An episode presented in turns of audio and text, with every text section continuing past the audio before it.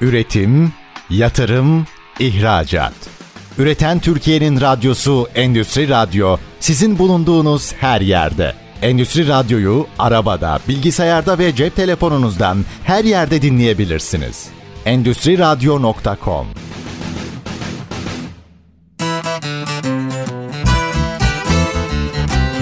Ahmet Taşdelen'in hazırlayıp sunduğu İşte Sağlık, İşte Güvenlik başlıyor. Merhabalar, İşte Sağlık, İşte Güvenlik programına hoş geldiniz. Ben Doktor Ahmet Taşdelen. Bugünkü konuğum One Safety'den Tuna Seyyar Bey. Kendisi kurucu ortağı olup bugün kendisiyle sohbet ve keyifli bir bilgilendirme yapmayı düşünüyoruz. Tuna Bey hoş geldiniz. Hoş bulduk. Bugün Tuna Bey ile aslında iş güvenliği tarafındaki tasarım ya da iş güvenliğinin aslında nasıl olmadığını birazcık konuşacağız, sohbet edeceğiz. Hı hı. Şimdi bu kapsamda aslında lütfen yanlışsam düzeltin. İşletme iş güvenliği uzmanını alıyor ve iş güvenliği uzmanı diyor ki artık iş güvenliği senin elinde ve bunu çöz. Doğru Aslında çoğu yerde. Çoğu yerde böyle ama bu böyle mi olmalı Tuna Bey? Şimdi burada iş sağlığı ve güvenliği ne sorusuna önce cevap vermeden bunu çözecek doğru kişiyi bulmak da çok yerli bir yaklaşım olmuyor. Şöyle çalışanların mental ve fiziksel olarak iyi durumda olması ya da işin insanileştirilmesi gibi çok büyük açıklamaları var bu kavramların. Yani buraya bir kişiyi sokup da A'dan Z'ye onun içeriği cennete çevirmesini, verimliliği arttırmasını, çalışan memnuniyetini ve huzurunu sağlamasını beklemek aslında biraz hayalperestlik oluyor. Zira zira bu arkadaşların bir yönetmeliği var. İş güvenliği uzmanlarının görev tanımlarını Doğru. anlatan. Ve orada kendilerinden beklenen şey aslında bir liderlik. Hani bu nereden geliyor? Bu aslında ISO 45001 gibi uluslararası sağlık güvenlik yönetim standartlarından gelen bir terim. Hı. Orada kendilerinden beklenen şey daha çok araştırma yapıp işletmeye bir iş sağlığı güvenliği liderliği sunmak. Ama liderlikle üretici arasında genelde sıkışıp kalıyor iş güvenliği uzmanı arkadaşlarımız. Orada yalnız şöyle bir şey var galiba. Sonuçta yurt dışında ya da genel uygulamada aslında kanunla tanımlanmış bir yapı yok. Bizim ülkemizde birazcık farklı çalışıyor bu. Çünkü insanlar bu tarafı çok belki gözden kaçırdığı ya da ihmal ettiği için belki temel prensipte birine görev tanımı şeklinde ya da kanunla görevi ne yapması gerektiği ya da minimumlar tanımlanmış durumda. Çünkü yurt dışındaki hani bunu belirtmek istedim özellikle. Yurt dışında ise tamamen bir analiz üzerine ya da gözlem üzerine emniyeti sağlayacak şekilde yapılan ve şunu şunu yap ya da şu şekilde yap diye tanımlanmış bir yapı yok aslında. 45.001 de aslında bu kapsamda çalışıyor aslında baktığınız zaman. Ama bizim ülkemiz birazcık daha hani devletin de denetleme mekanizması yapısından dolayı da yapılması gereken kurallar tanımlandığı için aslında iş güvenliği arkadaşlarımız bunu böyle yapıyor diyelim. Bu mümkün. Az evvel söylediğiniz paragrafa da geri geleyim. Bir hukukçu gözüyle de anlatayım onu. Kanunlar nasıl yapılır? Kanunlar aslında ülkelerin kendi demografik veya yaşayış tarzlarına uygun olarak çıkartılmaya çalışılır. O yüzden herhangi bir yerden herhangi bir kanunu devşirseniz mesela ertesi sabah burada çalışmayabilir. Ve muhtemelen de 6331 yazılırken ki o zamanları ben çok iyi hatırlıyorum. Nerelerden beslenerek onların yapıldığı olmadığını, e, evet bir sosyokültürel yapıyı da göz önüne alarak yazılması gerekiyor. Ama uzun lafın kısası söylediğinizi toparlayarak şöyle cevap vereyim. İş güvenliği ve iş sağlığı bir arada söyleyeyim onu. İş güvenliği ve iş sağlığı o kadar çok büyük bir bileşenler bütünü ki zaten hali hazırda bir kişinin bunun içerisindeki bütün detayları bilmesi, çözmesi ve rehberlik etmesi dünyanın hiçbir yerinde beklenen bir şey değil. Ben küçük bir anımı anlatayım mı size? Lütfen, lütfen. Şimdi 2006 yılıydı zannediyorum. Libya'da çalışıyoruz. Bir yapı şirketinde çalışıyorum o zaman. Başka bir sahayı gezmeye gitmiştim. Büyük bir oil and gas sektöründe enerji üreticisinin sahasında bir iş güvenliği ekibinden bir uzmanla tanışmıştım. Kendisi kayma takılma düşme uzmanıydı. Hı hı. Hı. Yani Değişik. şöyle söyleyeyim size takılma düşme bizim yaptığımız bütün görev tanımları içerisinde hani şey saysanız değildir. aklınıza gelmeyecek Gelmez, olan doğru, bir bölümden doğru. uzmanlaşmış ve 20 yıldır bu konu üzerine çalışıyordu. Biz uyarı levhası koyarız, bant koyarız ve işi bitiririz aslında. Evet bu kişi işletmede seçilecek zeminin türünden zemin kaplamasına kadar o zemin kaplaması üzerinde giyilecek doğru ayakkabıyı falan seçiyor ya işi bu. Hı hı. Sadece bunun için var. Harika. Yani müthiş bir anıydı. Harika. Çok küçükken karşılaştığım bir şeydi bu benim. Sonra bir daha da görmedim böyle bir şey kendi topraklarımda. Peki bu kapsam içinde o zaman doğru yaklaşım ne olması gerekiyor? Ne yapmak gerekiyor? Şöyle orada biraz çuvaldızı bizim de kendimize batırmamız lazım. Biz bir ünvan alıyoruz. Bir iş güvenliği uzmanı ve yahut iş yeri hekimi diye. Ve buradaki bütün sorunları çözmeye ilk günden talip oluyoruz. Hı. Bu sadece işverenin bizden beklediği bir şey de değil. Bizim de ona taahhüt ettiğimiz bir şey oluyor çoğu yerde. Doğru. Burada aslında şöyle bir şey olması lazım. Bana sorarsanız yani benim fikrim bu. İlk bir iş güvenliği uzmanı işe alınırken ya da ortak sağlık güvenlik birimi gibi bir yerden hizmet alınırken ilk masada konuşulması gereken şey bu. Biz tam olarak size ne sunacağız? Sizin bizden beklentileriniz ne?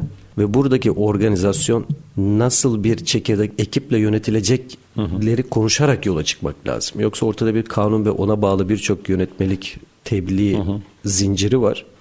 Biz buraya geleceğiz ve bunların hepsini yapacağız taahhüdünde bulunmak bana sorarsanız çok doğru değil. Ama Orada da bir alışveriş var. Atmosfer sizin bu söylediklerinizi dinlemeye hazır mı değil mi henüz onu bilmiyorum. Hı. Yine OŞA Başkanı'nın Türkiye'deki İş Sağlığı Güvenliği Kongresi'nde söylediği bir şey vardı. Biz Almanya'da iş sağlığı güvenliği kanunlarını çıkartılı 1980'li yıllar falandı. Almanya deyince hani endüstrileşmenin, makineleşmenin, Tabii, insanın da makineleşmesinin Doğru. ve standartizasyonu için zirveyi temsil eden ülkelerden bir tanesi Doğru. ya. Bu örnek Doğru. çok önemli. İşverenlere ne yaptığımızı veya ne istediğimizi anlatmamız 20 yılımızı aldı demişti. Biz şu an 12. yıla mı girdik? Tabii. Tabii aşağı yukarı öyle bir şey oldu. öyle oldu. Ya. Tabii ama bakış açısı da çok önemli herhalde. Çünkü hani sizde daha önce de konuştuğumuz üzere sonuçta bir işletme kurulurken işte boş bir alan bakılıyor. Metrekarelere bakılıyor ya da dönümlere bakılıyor. İkmal tarafına bakılıyor, lojistik tarafı bakılıyor ve kuruluyor. Aslında tabii bu ana prensip doğru ama bunun arka tarafında tabii iş güvenliği aslında birazcık buralardan mı başlaması gerekiyor? Oralardan başlaması gereken bazı başlıklar da var tamamı olmamakla birlikte. Evet. Örneğin bir işletmenin doğal olarak bir yerde bir arazisi, arsası olabilir ve oraya o işletme kurulmuş, kurulmak isteniyor olabilir. Oradaki işletmenin içinde yapılacak tasarımı bir kenara bırakırsak eğer, işletmenin kurulum yerinin seçimi ya da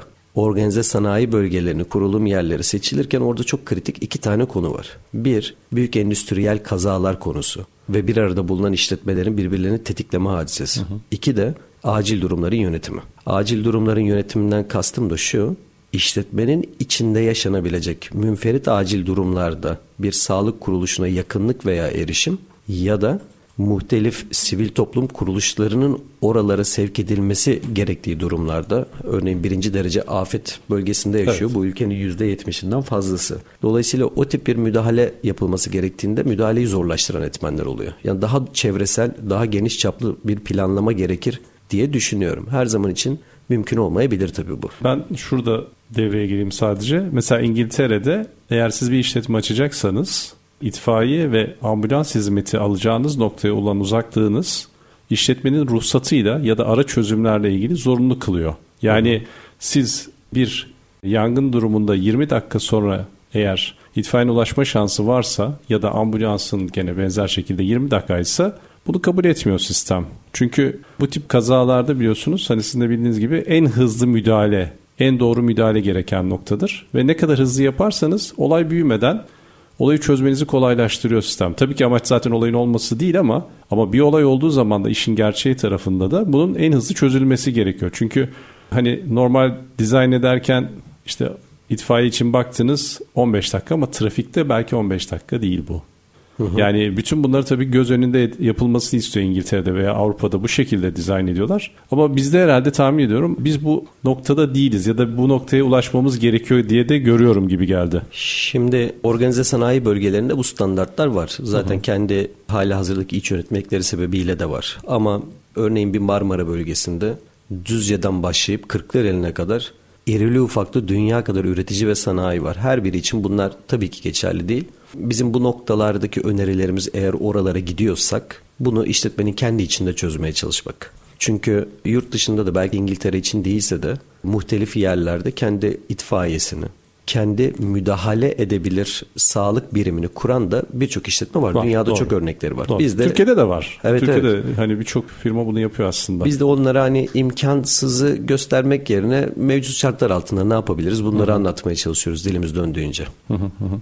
Ama tabii bu tabii bireysele döndüğünüz zaman maliyetler her şey tabii birazcık daha değişik hale geliyor herhalde. Ya da firmalar bunları tabii ki bazen iş güvenliği birazcık hani firmalarda yük gibi de görüldüğü için çünkü hani şöyle iş yetişmesi gerekiyor ama atıyorum iş güvenliği uzmanı geliyor diyor ki bir dakika kurallara uygun değil. Bunu böyle yapmayalım diyor mesela.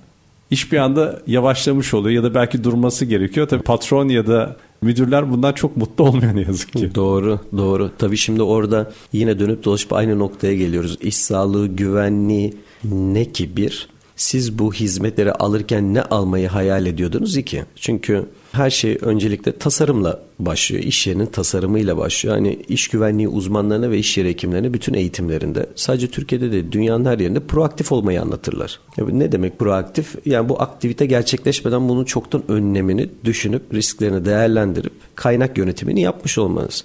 İkincisi ve daha da kritik olanı sizin söylediğiniz noktada İş güvenliği ve iş sağlığı işletmede işlerin olmasının önünde bir engelmiş gibi görünen hala sayısız işletme var tabii. Halbuki iyi bir iş sağlığı güvenliği uygulaması üretim verimliliğinde %80'lerin üzerine katkı ve artış sağlayan bir uygulama. Ama tabii tekraren burada şunu söylemek lazım. Bunu yapabilmek de iş sağlığı güvenliğinin başka becerilerini gerektiriyor.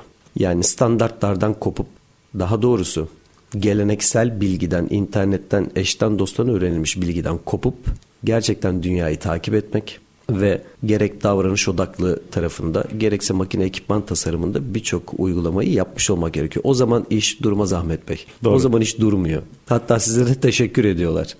Şüphesiz. Peki bu tasarım noktasındaki prensipte gerçekten Türkiye'de biz bilgili miyiz ya da ne yapıyoruz? Değiliz. Onun da temelinde yatan bir tane moto var. Sorsanız herkes benzeri bir şey söylüyor. Diyor ki önlemek ödemekten ucuzdur. Ama neyi önlemek? Ve finalde neyi ödeyeceksiniz? Şimdi bir işletme tasarımında nelere dikkat edilmesi gerekiyor aslında ta ilk yapılırken, inşaat esnasında. Birçok ulusal veya uluslararası standart ve yönetmelik var. Başta iş yeri ve bina eklentilerinde alınacak sağlık güvenlik şartları yönetmeliği var. Binada, binanın mimari tasarımından tutun da etiketlemesine veya yönlendirmelerine kadar neler yapılması gerektiğini anlatıyor. Bir diğeri de bunlar en zirvede yer alan yönetmelikler. Binaların yangından korunması hakkındaki yönetmelik. Şimdi bu ikisini önünüze alıp karşınızdaki o binayı tasarlayacak olan mimar veya makine elektrik mühendisleriyle birlikte Hı. oturamıyorsunuz. Sonra ne oluyor? İş neden duruyor? Sonra bu işletme yapılıyor. Çalışmaya başlıyor. Diyorlar ki iş güvenliği uzmanlığı hizmeti almamız lazım. İş güvenliği uzmanı oraya giriyor ve diyor ki burada Yapmış. kapı eksik. Neden eksik? Çünkü acil durum kapılarının bir mesafesi var. aydınlatma ölçümü yapıyor. Aydınlatma yetersiz Yeter. diyor. Neden? Doğru aydınlatma armatürleri kullanılmamış geçmişte. ya da bakıyor bir termal konfor ölçümü yaptırıyor. Diyor ki hava kalitesinde sorun var. Neden? Çünkü ilk yapılırken tasarım aşamasında havalandırma tesisatı bu düşünülerek yapılmamış. Bu ve bunun gibi o kadar çok bileşen var ki tasarım esnasında buna dünya literatüründe safety in design deniyor. Çok küçük bir anekdotla bitireyim size bunu anlatmayı. İstersen anekdotunuzu ikinci bölüme Aa, saklayalım Olur tabii tabii seve seve. seve, seve. Ee, bir araya gitmemiz gerekiyor. Tamamdır. İkinci bölümde görüşmek üzere. Tamamdır. Üretim, yatırım, ihracat. Üreten Türkiye'nin radyosu Endüstri Radyo sizin bulunduğunuz her yerde. Endüstri Radyo'yu arabada, bilgisayarda ve cep telefonunuzdan her yerde dinleyebilirsiniz. Endüstri Radyo.com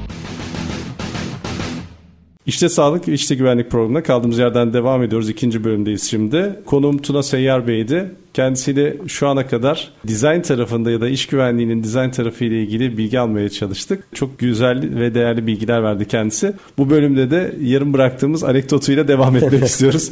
Lütfen Tuna Bey devam tamam, edin lütfen. Tabii ki. Şimdi yanlış hatırlamıyorsam kaç yılıydı İş Sağlığı Güvenlik Kongresi vardı İstanbul'da. Orada şunu anlatmışlardı. 2012 Londra Olimpiyatlarında oyuncular için böyle bir oyun olimpiyat köyü tasarlanır. Her birine kalacağı odalar vesaire vesaire gibi. Orada Olimpiyat Komitesi Avrupa Ulusal İş Sağlığı Güvenliği Ajansı'ndan ilk günden beri hizmet almaya başlamış. Hani tasarımda güvenlik ne demekse orada tamamı uygulanmış bunun. Ona rağmen şöyle bir şey demişler. Tabii bu işletmeleri yanlış yönlendirmek gibi olmasın ama burada yapı işleri hakkında konuşuyoruz. Uzun uza diye anlattılar. A'dan Z'ye neler yaptıklarını ve dedi başkan yapı işlerinde dedi iş güvenliğinde riski dedi sıfırlamanın yolunu dedi en sonunda bulduk dedi 21. yüzyılda. O da dedi hiç başlamamak. ama yoksa bir şey yoktur zaten. evet evet ama tabii yapı işleri için konuşuyorum evet. bunu özellikle hani ha. üretim veya hizmet endüstrisinde sürekliliği olan işletmeler için konuşmuyorum. Tasarımda güvenliğin ve sağlığın tabii işletmeye direkt olarak finansal açıdan birçok faydası var. O da yanlış başlayan o ilk iliklenen düğme metaforu vardır ya gömleğin evet. yanlış iliklenen ilk düğmesi olmasın diye tasarımda güvenlik şart. Çünkü tasarımda güvenliğin hesaplanabilir bir maliyet boyutu da var. Yarın bir gün işletmenin sürekliliği sırasında ortaya çıkabilecek iş ekipmanlarının muayenesinden tutun da eğitim standartlarına, operasyonel verimlilikten tutun da acil durum yönetimine kadar birçok şey aslında tasarımda karar verilebilir. Hı hı. Ama bizler genelde işletmeleri önümüzde zaten çalışır vaziyette bulduğumuz için belki de iş sağlığı güvenliği tarafında işi durdurma, işte ekstra maliyet vesaire gibi görüldüğünü düşünüyorum. Bu konudaki genel kanaatim böyle. Şimdi zaten genelde ben yazsam lütfen düzeltin. Genelde bir dizayn yapılırken işletme tarafında kullanılacak makinelere bakılıyor. Sürekli ya da continuous line olsun diye bir yapılanma var. O tarafta hani genel prensip bunun dizayn üzerine olduğu için ondan sonraki arka tarafta bunu dizayn eden mühendis ya da mimar ya da işte arada kim varsa zaten onların İSG eğitim ya da belli bilgisi olmadığı için o sadece işin kendi dizayn tarafını çözüyor. Ondan sonraki problem onun için aslında çok şey değil. Tabi burada işletme sahiplerinin ya da işi yaptıran kişilerin de tabi burada etkisi var aslında bakarsak özetle ama hani bunu yapan kişiler de tabii ki doğal olarak o bilgi olmadığı zaman hani onlara da bir şey denemiyor gibi geldi. Aslında şöyle bu sorun çok çok çok uzun yıllar önce görülmüş ve endüstri mühendislerine ergonomi eğitim verilmeye başlanmış üniversite zamanında. Şimdi ergonomi dediğimiz şey yani Türkçesiyle iş bilimi özünde sağlık güvenlik verimliliğinin yattığı ve 1800'lerde adının işi insanileştirmek olarak konulduğu bir süreç. Yani teknik olarak her endüstri mühendisi yaptığı makine ekipman tasarımı ve yerleşim tasarımında aslında bu süreçlere, bu kriterlere dikkat etmesi gerekiyor ama belki işletmenin alan kullanımında o kadar hassas yaklaşamayabiliyorlar diyeyim ben ona. Daha başka bir şey de söyleyebilirim Yok, çünkü ama. Çünkü hani işletme doğal olarak haklı olarak alanı en verimli şekilde ya da en karlı şekilde kullanmaya çalışıyor. Aslında bütün dizayn bunun üzerine kurgulanıyor. Yanlışsam düzeltin lütfen. Şöyle işletme gözünden evet. Yani. Verimlilik ama verimlilik hesabı gün içerisinde maksimum ürünü üretmekten ibaret değil tabi. O sırada doğan iş kayıpları, rapor süreleri, kötü tasarımdan kaynaklanan ve yarın bir gün doğacak iş kazası ve meslek hastalıkları maliyetleri o sizin ürettiğiniz üründen muhtemelen daha pahalıya çıkacak. Doğru. Yani bu ikisini aynı potaya sokup bakmadığınız zaman az evvel sizin de ifade ettiğiniz gibi verimlilik gün içerisinde üretilen maksimum ürün olarak görüldüğü müddetçe o verimlilik aslında biraz da eksik oluyor. Çünkü hatta hani bütün bu çalışan güvenliği tarafında da zaten aslında bu gözden kaçan taraf oluyor. Yani sonuçta işletme tabii doğal olarak karlılığına bakıyor ve hani işletme sonuçta kar amaçlı bir kurulmuş şirket.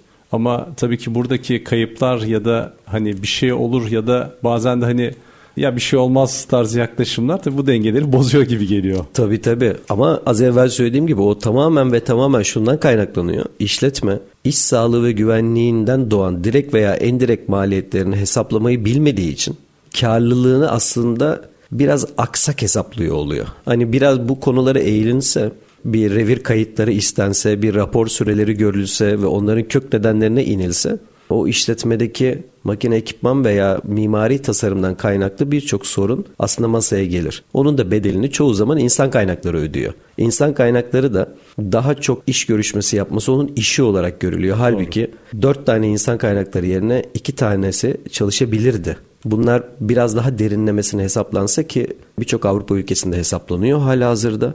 Tabii bizim açımızdan şöyle bir sıkıntı da doğuyor. Henüz meslek hastalıkları tarafında ülkeye binen yük, ekonomik yük tam anlamıyla realistik bir şekilde hesaplanamadığı için de verimlilik hesapları biraz eksik kalıyor. Öyle bir sorun da var orada. Ya tabii burada aslında çok ciddi şeyler yapılmaya çalışılıyor ama yapılan şeyler tabii ki yeterli noktasında ya da gözden kaçanları göz önüne getiriyor mu? Tabii tartışmak lazım belki o tarafta dediğiniz gibi. Ama hani genelde tabii işletmeler ya da iş yeri üretimde sorun yoksa sorun yok olarak bakıyor. Ta ki bir problem çıkana kadar. Yani hani iş güvenliği tarafında da durduk yerde hani bir işletme ya bizim iş güvenliği tarafımızda sorun var mı diye bakmıyor benim bildiğim kadarıyla. Ancak bir problem, bir işte ramak kala ya da bir kaza olduğu zaman Aa, bir dakika bir yerde bir hata yapıyoruz bir gözden geçirelim ya da bir bakalım oluyor. Bazı işletmelerde hatta bu bir de olmuyor. Evet şimdi çok haklısın Ahmet Bey, Ahmet Hocam. Fakat mesele ortaya çıktıktan sonra onu çözmek basiretli bir işletmenin yapması gereken bir şey değil. Aslında bize anlatılan bir önceki bölümde de söylediğim gibi proaktivitenin tanımı bu değil. Bizim işimiz o olmasın diye uğraşmak. Olduğu zaman çözmenin tabii ki bin bir türlü yolu Reaktif aranıyor. tabii. Ona bir şey diyemem ben. Ama olduğu zaman o masraf çıkmış oluyor. Doğru. Verimlilik sarsılmış oluyor.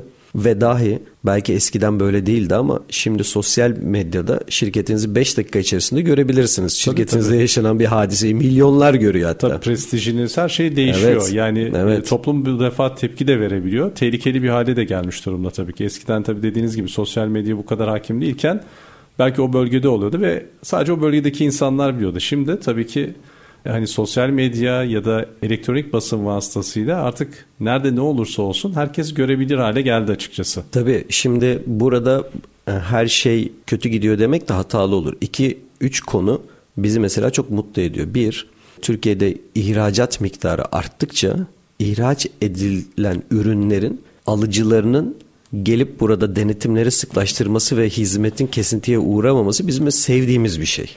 İkincisi borsaya kote şirketler sürdürülebilirlik raporları hazırlamak durumunda kaldıklarından orada da sağlık güvenlik şartlarını sürekli yükseltmeye çalışıyorlar. Yani her şey ülkemizde çok kötü gidiyor demek bizim harcımız değil. Çok tabii, güzel tabii. giden birçok şey de Tabii var tabii, tabii. ve yapılan şeyler var. ve gitgide daha da fazla yayılıyor. Az evvel de söylediğim gibi bence oldukça erken dönemlerindeyiz sağlık güvenliğin. Ha, kanundan önce yok muydu? Tabii ki vardı.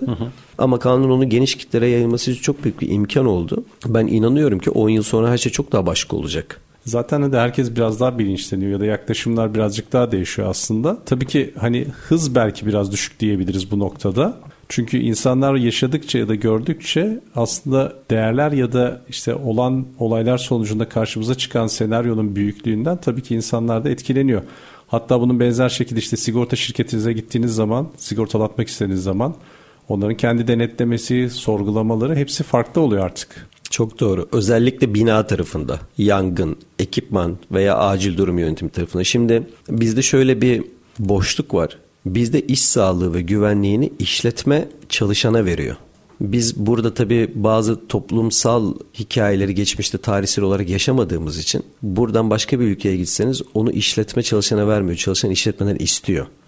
Belki de bizim bir iki jenerasyon sonra o noktaya gelmiş olmamız beklenir. Hani bunun bir hak olduğu, bunun bir lütuf olmadığı bilgisine her çalışanın erişmiş olması beklenir normalde. He, bu, bu arada bu işletmeye karşı bir isyan mekanizması da değil. Tabii. Zaten iş sağlığı güvenliğinde üç tane sac ayaktan biri devlet, biri işletme, biri çalışandır. Burada çalışan henüz kendisine verildiği kadarını alıyor ve olayın içerisine, oyunun içerisine daha çok katkı sunması, kendi fikirlerini daha çok beyan etmesi için eminim biraz daha zaman geçtikten sonra biz de bunları onlardan alıyor olacağız. Hatta hani her şeyi belki devlet ya da işletmeden beklemek değil aslında kişinin önce kendine dikkat etmesi ya da kendiyle ilgili şeylere göz atması gerekiyor diye düşünüyorum. Çünkü şundan dolayı söyledim bunu da. Hani sonuçta aslında bunun en güzel örneği evdesiniz. Kendi evinizde işte yere bir şey dökülse silersiniz ya da dikkat edersiniz bazı şeylere. Ve kendi evinize kaza olmasın diye elinizden geleni yaparsınız. Ama bizde ise biz çalışan olarak her şeyi işletmeden bekliyoruz aslında. Yani biz kendimizi önce koruyacağız ki İşletme de bizi korusun ama hani bir sinerji yaratılması ya da her şeyde bir proaktivitenin yapılması gerekiyor aslında gibi. Çok doğru. Biz bu noktada mesela Kaizen eğitimlerini verirken, 5S eğitimlerini verirken insanları mutfağından onlara anlattırırız. Çünkü bana sorarsanız mutfak müthiş bir 5S düzenidir. Hele Doğru. de geleneksel bir kadın mutfağı ise her şey yerli yerinde, belli bir düzende, girdisi çıktısı temizliği her şeyiyle belli. Biz çoğu zaman bunu anlatırken bundan faydalanmak çok işimize gelir. Şöyle deriz, lütfen aynısını işletmede yap. Oraya gidince orası sadece sana verilen ve senin de aldığın bir yapı değil. Tabii. Buradaki vermek meselesi sadece emekten de ibaret değil bu arada. Çünkü hani çok standart bir laf var ya herkes kendi kapısının önünü temizlese evet. her yer tertemiz, tertemiz olur, diye. Hı hı. Bu her makine tezgah için de geçerli. Doğru. Ve konu sadece temizlik de değil. Bir sağlık güvenlik zinciri oluşturmak için en küçük birimden başlamak Şüphesiz. gerekiyor. Umarım çalışanlarımız da bir vadede onların da her birinin bireysel olarak bir bakış açısı kazandırmayı yakalayabiliriz. Bunu yapan birçok işletme var bu arada. Hı hı. Ama tabii ülkemizde 20 milyona yakın çalışan var. Her biri bunu yapıyor olsa müthiş bir refah düzeyine erişiyor olurduk. Hem verimlilikte, hizmet hem üretim endüstrilerinde. Zaten hani sonuçta aslında işletmeler elemanlarını eğitmek ya da bu kazaların engellenmesi için zaten kanunda da var. Belli eğitimleri veriyor. Hatta hani bir kısmı evet kanundaki minimum eğitim düzeyinde tutarken bazıları bunu kat be kat üstünde eğitim verip bilinçlendirmeye çalışıyor. Tabii hani sadece eğitim vermeniz yetmiyor. Tabii kişinin aslında hakikaten burada kendi koruması. Yani gene klasik işte çocuğunuz işte ortalıkta dolaşırken ya oraya çarpar düşer kaldırıyorsunuz ediyorsunuz. Aslında çalışanlar da kendi aralarında bunu yapabilseler evet. birçok şey daha kolay olabilir belki aslında kendi içinde. Aslında güzel bir konuya girdiniz burada eğitim meselesinde. Orada da bir iki kelam etmek isterim müsaadenizle. Lütfen. Şimdi korkunç bir yanlış anlaşılma var. Korkunç bir yanlış anlaşılma. O da şuradan geliyor. Çalışanların eğitimlerini ifade eden yönetmelikte bir saat ve bir konu zinciri var. Bunların her ikisini de çok ezberci kullanıyoruz. Şu kadar saat bu başlıkları anlatacağız. Halbuki o yönetmelik böyle bir şey demiyor. Minimum bu konulardan oluşmak üzere kendi ihtiyaçlarınızı kendiniz belirleyin diyor. Hı hı. Hal böyle olunca biz kime eğitiyoruz Ahmet Bey biliyor musunuz? biz bütün eğitim sürecini bitirmiş bir yetişkini değiştirmeye çalışıyoruz. Hı hı. Ve yetişkin eğitiminin eğitim standartları hiç de öyle herhangi bir slide göstermekten geçmiyor. Onun doğasına inmeniz, anlayacağı dilde anlatmanız Şüphesiz. ve anladığını anlamanız gerekiyor. Gerekirse defalarca. Dolayısıyla bir eğitim modülünü hem A işletmesinde hem B işletmesinde aynı içerikle bile veremeyebilirsiniz. Sizi kimin dinlediği o kadar önemli ki. Şüphesiz yani sonuçta tabii karşımızda bir insan var. İnsanı da hani standart bir uygulama yapıp genellemek tabii ki dediğiniz gibi doğru değil. Ama ne yazık ki bu tip yaklaşımlar daha kolay ve daha pratik çözüm olarak karşımıza çıkıyor. Elbette. İkinci bölümümüzün sonuna doğru geldik şimdilik. Bir araya gidelim isterseniz Tuna Bey. Hay hay. Ondan sonra üçüncü bölümde bir genel bir toparlayıp bakalım ne yapmamız gerekiyor tartışalım sizinle Tamamdır. tekrar. Teşekkür, Teşekkür ederim. ederim. Sağ olun. Üretim, yatırım, ihracat. Üreten Türkiye'nin radyosu Endüstri Radyo sizin bulunduğunuz her yerde. Endüstri Radyo'yu arabada, bilgisayarda ve cep telefonunuzdan her yerde dinleyebilirsiniz. Endüstri Radyo.com İşte sağlık, işte güvenlik. Üçüncü bölümde kaldığımız yerden Tuna Bey ile devam ediyoruz güzel sohbetimize. Birinci ve ikinci bölümde Tuna Bey'le aslında hani iş sağlığı güvenliği tarafında işletmedeki dikkat edilmesi ya da dizayn aşamasında yapılması gereken şeyleri biraz konuştuk. İş güvenliği ya da iş güvenliği uzmanı ile ilgili birazcık değerlendirme yaptık. Bu bölümde de aslında birazcık da hani Tuna Bey ya da One Safety ne yapar ya da nasıl çalışır diye sorsak bize neler anlatır diye merak ettim. Şöyle söyleyeyim Ahmet Bey, One Safety bilgi birikimi açısından yaşlı tabela olarak çok genç bir firma öncelikle. Büyük bir iş sağlığı güvenliği işletmeler grubunun eğitim ve danışmanlık ayağını temsil ediyoruz biz. Hı hı. Aslında bir tane kuruluş amacımız var bizim. O da şu. Bir işletmenin iş sağlığı güvenliği yolculuğunu çıkış noktasından varmak istediği noktaya kadar analiz edip tasarlayıp kendi iç kaynaklarıyla vermeye çalışan bu süreçte de eğitmenleriyle, danışmanlarıyla, dijitalleşme altyapısıyla, kullandığı yazılımlarla bu yolculuktaki bütün bileşenleri kendi iç kaynaklarıyla karşılamaya çalışan bir firma. Ne yapar derseniz kabaca aslında bunu yapar. Bu bileşenlerin hepsini bir arada da yapabilir. Herhangi bir tanesini de yapabilir. Yani basit anlamda bir yüksekte çalışma eğitimi de verebilir. Bir işletmenin yüksekte çalışacağı hatların tasarımından tutun da orada kullanılacak materyale kadar bunu raporlayabilir. Mesele yüksekte çalışmaysa onun bütün bileşenlerini biz tek elden karşılamaya çalışırız hı hı. gibi. Yani aslında özetle bakarsak süreci yönetmek de diyebiliriz. Yani Çok doğru. Çünkü hani baştan beri konuştuğumuz üzere hani iş güvenliği uzmanı ya da iş güvenliği ile ilgili yaptığımız şeyler hep anlık noktalar için. Aslında iş güvenliğini birazcık daha böyle hani başından sonuna kadar ya da son demeyelim de üretim süresince bir süreç olarak görüp anlık girilip ya da anlık düzeltilen bir yapıdan ziyade akan bir yapı içinde değerlendirmek her zaman daha doğru olacaktır gibi. Hatta sizin şirketinizin de yaptığı bu anladığım kadarıyla. Tabii tabii. Şimdi şöyle başlarken şey demiştiniz işletmeler bir iş güvenliği uzmanı alıyor ve her evet. şeyi ondan bekliyor diye. Şimdi biz bir süreç tasarladığımız zaman bu sürecin tamamında belki 8-10 farklı görev tanımı bu sürecin içine giriyor. Hı hı. Bunun içerisinde iş hijyenistleri var, ergonomi uzmanları var, iş güvenliği uzmanları var, makine emniyeti uzmanları var. Birçok bileşenle bir yere gitmeye çalışıyoruz. Aslında ilk bölümde konuştuğumuz bir iş güvenliği uzmanından bütün bunları yapmasını beklemek çok büyük adaletsizlik demem oydu.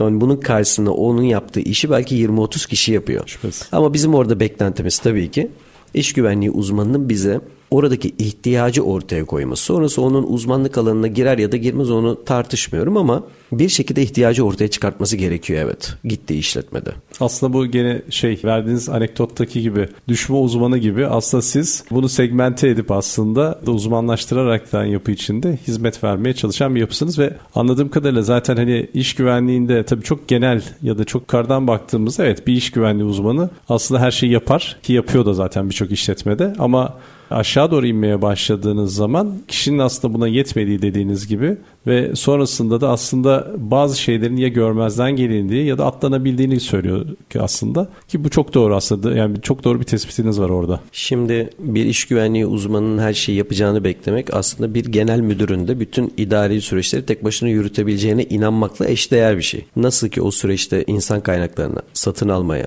idari işlere, lojistiğe, depo yönetimine ve bir sürü iş arkadaşına ihtiyaç duyuyorsa Hı. aynı şey iş sağlığı güvenliği için de geçerli. Bu noktada bizim oyuna girdiğimiz alan bakın çok basit bir tarif yapayım size. Bir işletmenin hayali işte sıfıra yakın iş kazasıyla %90 verimliliğe varmak. İş kazasının kaynakları ne? Bina mı? Sistem mi? Makine, ekipman mı? Önce bunları ortaya koyacaksınız. Bunların her biri farklı uzmanlıklar gerektiren işler. Sonra bunlarla ilgili sorunları ortadan kaldıracaksınız. Bunun için laboratuvara, iş ekipmanı muayenesine, bu gözlemleri yapabilecek kişilere ihtiyacınız var. Ve finalde bunların hepsini dokümante edip çalışanları kendi özel konularında eğitmeniz gerekecek. Ve tüm bunlar bittikten sonra da bu sürecin sağlıklı çalışıp çalışmadığını bir otomasyonla izlemeniz gerekecek. Hı hı. İşte revir kayıtları olsun, KPI'ler olsun, iş kazası sıklıkları olsun gibi gibi gibi. Şimdi bakın burada o kadar geniş bir içerik tarif ettim ki size. Bunu ne bir kişi yapabilir ne de herhangi bir yazılım tek başına yapabilir. Dolayısıyla burada finalde ne diyorsun diyeceksiniz ya şunu söylemeye çalışıyorum. Yok yok şunu söylemeye çalışıyorum çünkü çok yanlış anlaşılıyor. Sanki olayı çok büyütüyormuşuz ve imkansız hale getiriyormuşuz gibi öyle değil. Buradaki mesele şu. İnsanların dışarıdan destek istemeleri, bu arada toplumsal olarak da yardım istemek ve bilmiyorum demek benim çok karşılaştığım bir sorun aslında. Çok kişisel bir sorun olmasına rağmen işletmelerin de bir kişilikleri var. Onlar da bir tüzel kişi. İşletmenin yardım istemesi, ben bunu bilmiyorum ama böyle bir sorunum var, çözmeliyim demesi aslında ayıp bir şey değil ve sorunun kaynağını inip onu kalıcı bir şekilde çözmek için gitmesi gereken en kesin yol. Bunu yapmayı tercih etmiyor işletmeler. Belki tam olarak ne yapacağını bilmiyor ya da hani gözden kaçırdığı şeyler. Çünkü hani sonuçta şöyle de düşünmek gerekiyor. Siz birilerini istihdam etmişsiniz ve işlerin yürüdüğünü düşünüyorsunuz. Normaldir. Yani ta ki biliyorsunuz hani hep öyledir. Bir problem çıkana kadar aslında problem varlığını fark edemeyiz genelde. Çünkü sizin söylediğiniz proaktivitede zaten problem olmadan bunu başlayalım ve problemsiz devam edelim. Evet bu sürecin içinde gene problem olursa çözeriz diye algılıyorum. Hı hı, hı. Ama zaten öbür taraftaki yaklaşımda ise şimdi adam doğal olarak ya da işletme sahibi ya da işletme yönetimi olarak baktığımız zaman birilerini istihdam ettiğiniz problem olmasını beklemiyorsunuz. Ama onun proaktif midir yoksa reaktif bir yapıya mı döndüğünü tabii görmek gerekiyor aslında birazcık. Orada aslında sorun biraz şuradan da kaynaklanıyor. Sağlık güvenlik profesyonelleri kimle muhatap oluyor? Belki sorunu bu arada tespit ediyor da olabilir. Fakat sorunu anlattığı kişi sorunun boyutunu ya da büyüklüğünü anlayıp işletme için bir aksiyon alabilecek kişi olmayabiliyor. Bu bizim birçok yerde karşılaştığımız bir sorun. Bunu da birine bağlayalım. Kimseye bağımsız kalmasın diye bir takım kararlar veriliyor ama bağladığı kişiye sunduğu şey aslına bakarsanız milyonlarca liralık ya da dolarlık bir işletme riskini yönetiyor orada iş güvenliği uzmanı ve iş yeri hekimi. Bunu kime anlatıyor? Benim burada hem çalışma arkadaşlarımdan hem meslektaşlarımdan da aslında bir beklentim var ki o da şu. Tam olarak ne yaptığınızı gerçekten aynada kendilerine doğru anlatabilmeleri gerekiyor. Biz işletmelerin hem insani bakımdan hem makine ekipman bakımından bir sigorta kuruluşunun tamamına taraf olacak bütün risklerini yönetmek için söz sahibiyiz. Ve siz bunu anlattığınız kişi işletmede bağlı bulunarak anlattığınız kişi dinlediğinde tam olarak olayın boyutu hakkında bir fikri oluşuyor mu oluşmuyor mu bunu bilmiyorum. O yüzdendir ki Kanunun da söylediği gibi, çok defa söylediği gibi hatta ve dünyanın birçok yerinde de uygulandığı gibi iş sağlığı güvenliğinde raporlama aslında o işin zirvesine yapılması gerekir. Varsa yönetim kuruluna, yoksa genel müdüre ya da patrona her nasılsa o organizasyon. Ben böyle düşünüyorum. Bir de tabii ki hani raporlama olsa bile bakış açısında Buna da dikkat etmek gerekiyor galiba. Çünkü sonuçta sadece raporlandığı zaman rapor okumak önemli değil. Kesinlikle. Aslında onu yorumlayıp doğru aksiyonu alabilmek de aslında çok önemli diye düşünüyorum. Tabii tabii tabii. Şimdi bakın mesela hani iş hayatında yönetim kurulu raporu diye bir şey vardır. İki sayfayı geçmez. Hani ne anlatacaksınız? Bir paragrafta anlatırsınız ve çıkarsınız. Bunu yaparsak bu, yapmazsak bu. Yapmak için kullanmamız gereken kaynaklar bunlar. Bitti gitti. Çünkü kimsenin gerçekten zamanı yok. İş hayatında hiç kimsenin bir şeyleri ayıracak kadar zamanı yok. Çünkü eskisi gibi esnaf şeklinde hani böyle Meksika filmlerinde şeyi gösterirler ya bir yerde vantilatör sürekli çalışır Çalışır, şapkayı evet. indirip orada uyursunuz. İş hayatı öyle evet. bir yer değil. Kimsenin 5 dakikası yok. Herkesin her dakikası kıymetli. Oldukça basit, sade ve anlaşılır şekilde sorunları herkesin anlatması gerekiyor. Bu sadece İSG için de değil bu herkes için böyle. Tabii tabii yok orada zaten öyle ama tabii İSG'nin aslında farklı olarak hani konuştuğumuz üzere bir insan faktörü ya da insan değeri var. İki, olay ya da problem olduğu zaman karşımıza çıkan maliyet ya da yaşayacaklarımız büyüklüğü. Yani hani olmayan bir şey yok demek doğru değil ama olabilirliği çok yüksek olan bir durum aslında iş güvenliği tarafı. Çok doğru. Şimdi orada az evvel söylemiştim. Biz sadece çalışan sağlığı ve güvenliği deniyor bazen. Evet çalışan burada çok büyük bir faktör. Sonuçta insansız işletme belki gelecekte olur ama karanlık fabrikalar, ışıksız fabrikalar bugün öyle değil o hayat. Doğru. Biz hem insana bakıyoruz hem çevreye bakıyoruz ve bu ikisinin bir arada uyumlu çalışmasını sağlıyoruz. Doğru. Bizim işimiz bu. Doğru. Bunu yaparken de ne sadece insana ne de sadece makineye ve ne, ne de sadece sürecin kendisine zarar gelsin istemiyoruz. Dolayısıyla bu üç bileşenin hepsine eşdeğer derecede yaklaşmak lazım. İnsan ama makineden bağımsız olarak tabii bir ruhu var, duyguları var ve merkezi bir sinir sistemi var. Gündüzü gecesine uymayabilir. Bu da yönetilmesi hiç kolay bir süreç değil.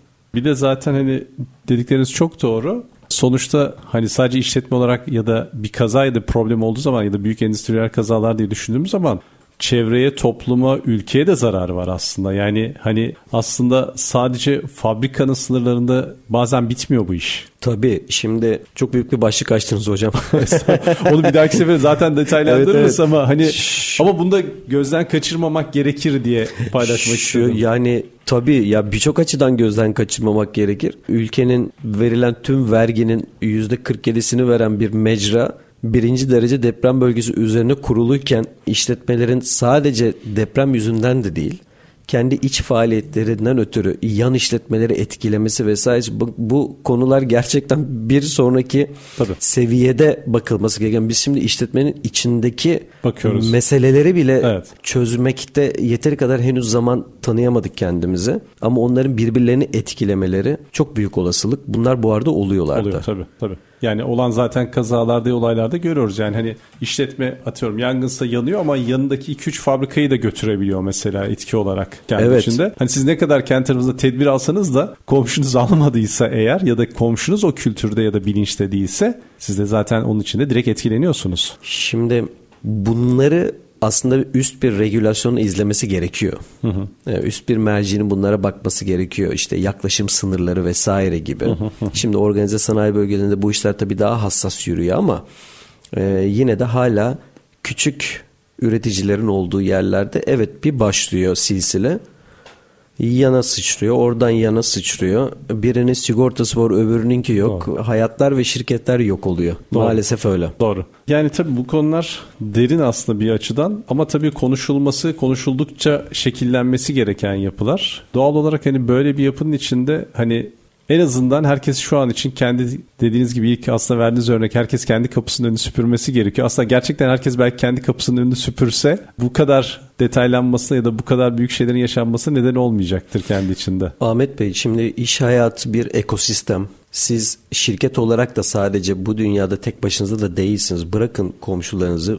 tedarikçisi, üretimin bütün dağılan zinciri, lojistik faaliyetleri, sizinle birlikte çalışan alt işverenler, aşağıda yemeğinizi yapanlar, kapıda servisinizi tutanlar çok büyük bir ekosistem Doğru. hakkında konuşuyoruz ve evet tabii ki herkes kendi kapısının önünü temizlese ama bir diğer taraftan da komşu komşunun da külüne muhtaç. Şüphesiz. Yani. Şüphesiz tabii ki. Şüphesiz. Bugünkü güzel değerli sohbetiniz için teşekkür ediyorum ben size. Ben ee, teşekkür ederim. Bunun daha detaylısını inşallah diğer ileriki programlarımıza yapma şansını yakalarız diye düşünüyorum. İnşallah. Tuna Bey. İnşallah. Bugün Tuna Seyyar Bey ile One Safety'den beraberdik. Kendisiyle iş güvenliği, iş güvenliğinin dizaynı ya da iş güvenliğinde neleri daha iyi yapabiliriz gibi konuşmaya çalıştık. Bir sonraki programda işte sağlık işte güvenlikte görüşmek üzere. Dinlediğiniz için çok teşekkürler.